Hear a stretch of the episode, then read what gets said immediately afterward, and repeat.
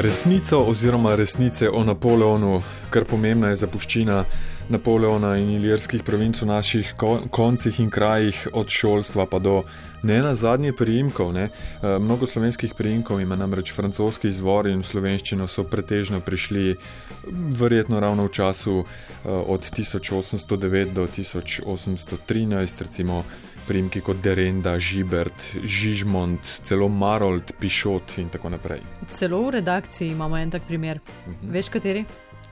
Se mi dozdeva. V francoščini bi bil najverjetneje ševalje, slovenska različica pa šval. Ja. Dobro, ampak antikvi seveda ne bo o francoskih primkih, temveč o Napoleonu. V sredo je minilo točno 200 let, odkar je francoski politik, vojskovodja, general in cesar Napoleon umrl na otoku sveta Helena 5. maj 1821. Posvečamo mu torej pet antikvizovskih podatkov, med njimi so štirje pravilni, mi pa kot vedno iščemo napačnega.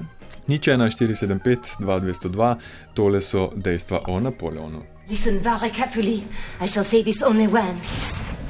Podatek številka ena.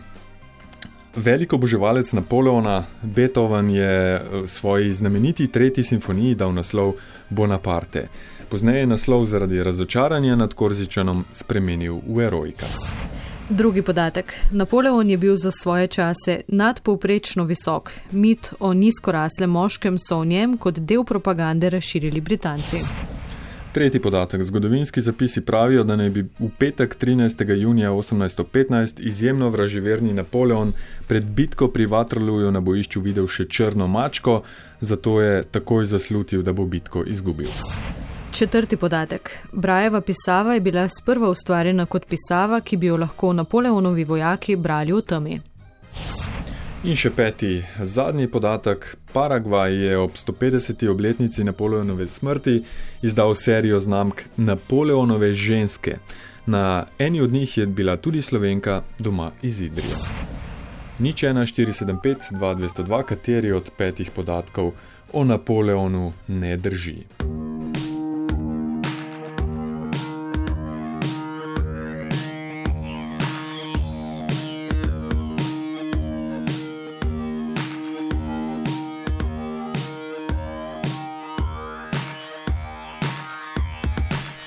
Torej, na hitro še enkrat, če vseh pet. Uh, Beethoven je napisal tretjo simfonijo in ji dal naslov Ime Bonaparte, pa si pozneje premislil in naslov spremenil, ker je bil razočaran nad Napoleonom. Uh, Napoleon je bil nadpovprečno visok, ne nadpovprečno nizek, uh, torej to mit.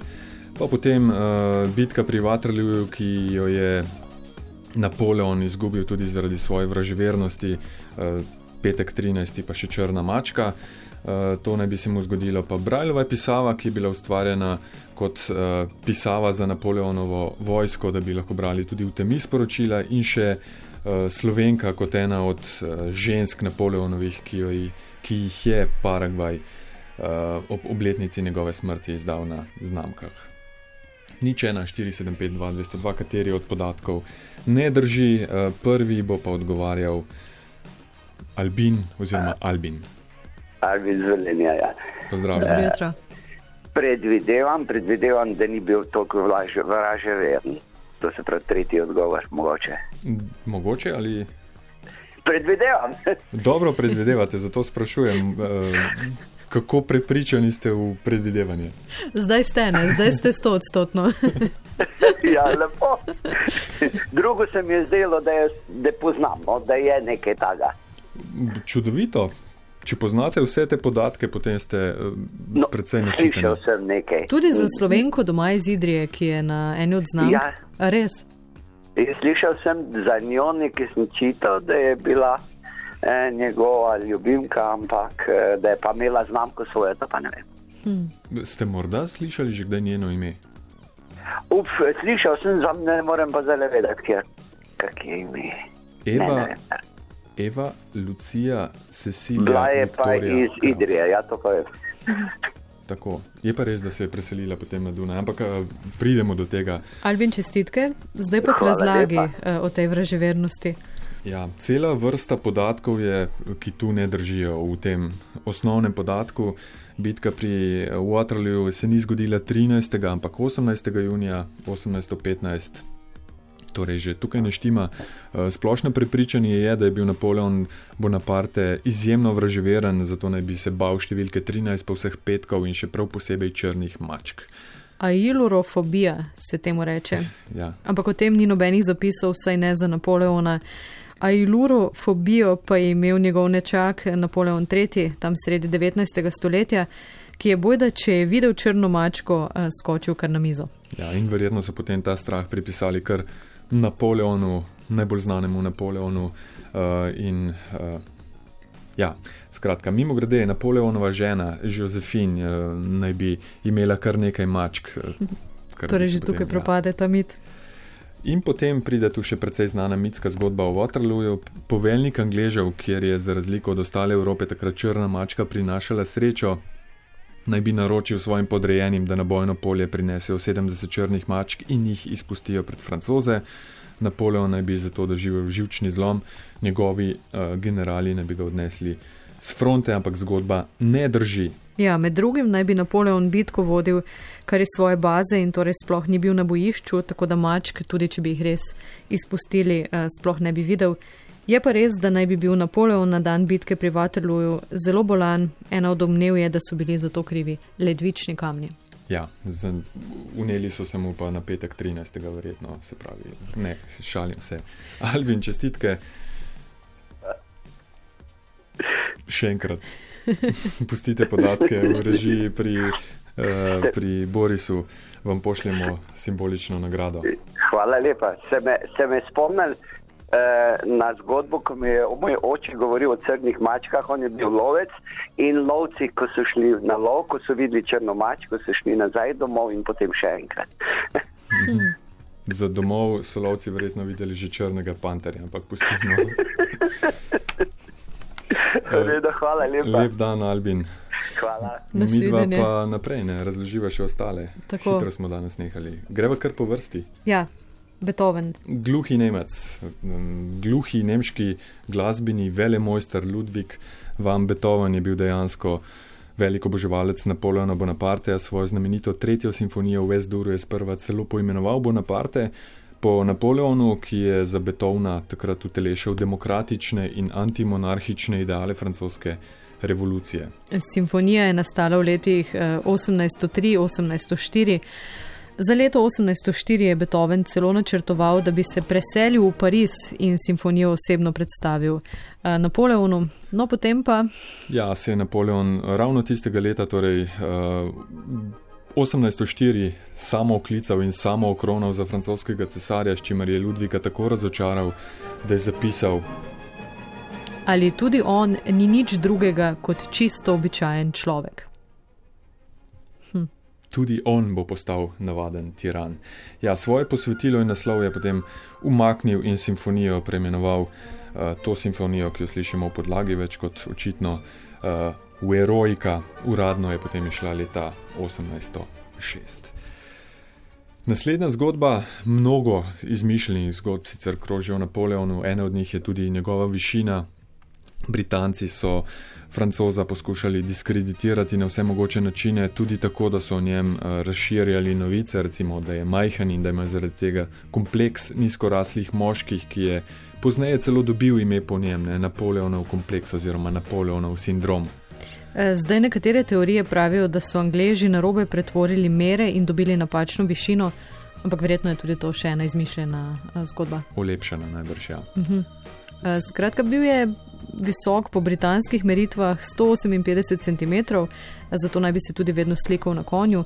Dejansko pa je bil visok koliko? Okrog 170 cm, uh -huh. kar je bilo za tisti čas eh, celo rahlo nadpoprečno. Eh, britanski propagandisti so ga seveda predstavljali kot majhnega in zakompleksanega, nešteto takih karikatur so ljudje takrat videli v časopisih eh, iz podobnega nabora diskreditacije, da nima tudi tista, da je vedno oddajal neprijeten von. Ja, pač, ja. Uh, je pa še en podatek, ta pa drži. Vedno se je zelo rad obdajal z visokimi gardisti, uh, s tem je verjetno tudi pomagal francozom, da so ga lažje, britancem, da so ga lažje nekako predstavljali kot majhnega, nizkoraslega. Ker med uh, gardisti je pač zgledal majhen. Ja. Pa še en podatek imamo, ko smo že ravno prej omenjali uh, mačke. mačke. Ja, iz antikviza o mačkah celo ne. Uh, Minuje je pasma mačk s starim imenom Napoleon. Tako ime pa zato, ker gre za zelo. Ja, majhne mucke. Ja, tako. Pričemer spet pridemo do fake newsa, tako kot pri Napoleonovem kompleksu, torej majhnih moških. Um, tako. Naslednji Brajca. Ja. Zelo zanimiv podatek, da je bila sprva ustvarjena kot pisava, da bi jo Napoleonovi vojaki lahko brali o temi. Ja, gre seveda za sistem branja za slepe s pomočjo dotika iz boklin, pikic, ki v določenem razporedu predstavljajo črke abecede, recimo A, pa tudi številka ena je ena pika levo zgoraj, obstajajo seveda tudi ločila, bere se z leve proti desni, um, običajno s kazalcem obeh rok. Um, najboljši bravci lahko preberejo recimo do 200 besed na minuto, kar je kar precej recimo poprečen eh, videči bralec prebere med 250 in 300 besed na minuto. Kar se tiče brajice, eh, veliko drugih načinov branja za slepe so poskušali uvesti v zadnjih desetletjih, neuspešno. Eh, predvidevajo, da zato, ker je brajica sistem znakov razvit za prstne blazinice, ostali pa so temeljili na imitaciji vidnih znakov za oči. Ja, skratka, nastanek brajice v začetku 19. stoletja torej 1800 in kako leto čez je Charles Barbier, mož, ki je služil v vojski Napoleona Bonaparte, razvil unikaten sistem znan kot nočno pisanje. Namenjen je bil temu, da bi lahko vojaki varno komunicirali tudi po noči, kot vojaški veterani namreč videl. Veliko primerov, veliko vojakov, ki so jih ustrelili, ko so si za branje po noči prižigali luč, ogen, mm.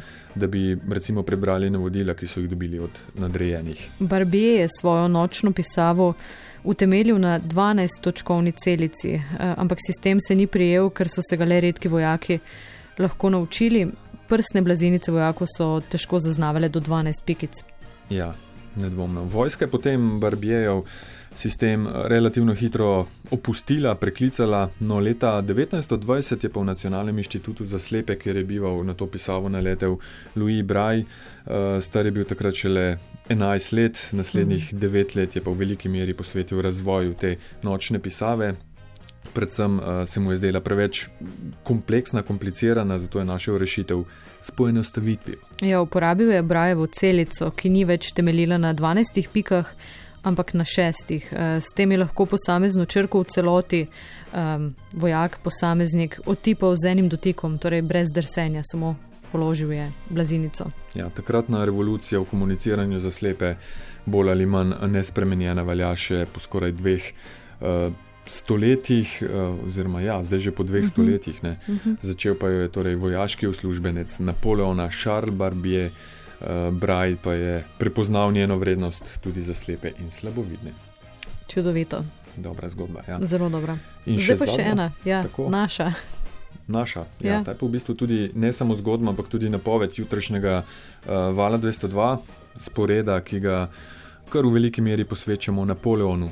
Veronika Gnezda je posnela nešteto zgodb o povezavi na Napoleona s Slovenijo, vmes pa je tudi ena o njegovi slovenski ljubici. Prej si omenil njeno ime. Eva, Lucija, Cecilija, Viktorija, Kraus, mhm. -huh. mladenka rojena v Idriji, oče je bil rodarski nadzornik, mama pa učiteljeva. Um, hčerka, um, zelo mlada, se je potem odpravila na Duna in tam na sprejemu v Šombrunu spoznala Napoleona. Tukaj se začne zanimiva zgodba. Menda edina ni pred njim pokleknila, kar ga je navdušilo, naredilo veliko vtis in postala je njegova dolgoletna spremljevalka.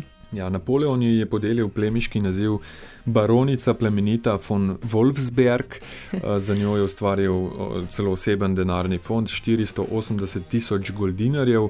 Za primerjavo, stroški gradnje Idrijske ljudske šole so takrat znašali 120 tisoč goldinarjev, torej tretjino te cene, ampak žal je potem ostala brez vsega tega. Ne. Ja, na koncu je živela v Salzburgu, v družbi psov, za katere je zelo lepo skrbela, za kar je šlo tudi veliko denarja in od tu tudi naziv za njo pasja grofica. Sicer pa podatek drži. Država Paragvaj je leta 1971 ob 150. obletnici Napoleonove smrti, torej pred 50 leti, ne, zdaj obletnica rojstva, ne smrti, 1821. Preden zakompliciram, skratka, država Paragvaj je leta 1971 ob 150. letnici Napoleonove smrti izdala serijo znamk Napoleonove ženske in na eni od teh znamk je bila tudi Eva Lucija, Cecilija, Viktorija Kraus. Krajša Viktorija Kraus, slovenka in idričanka.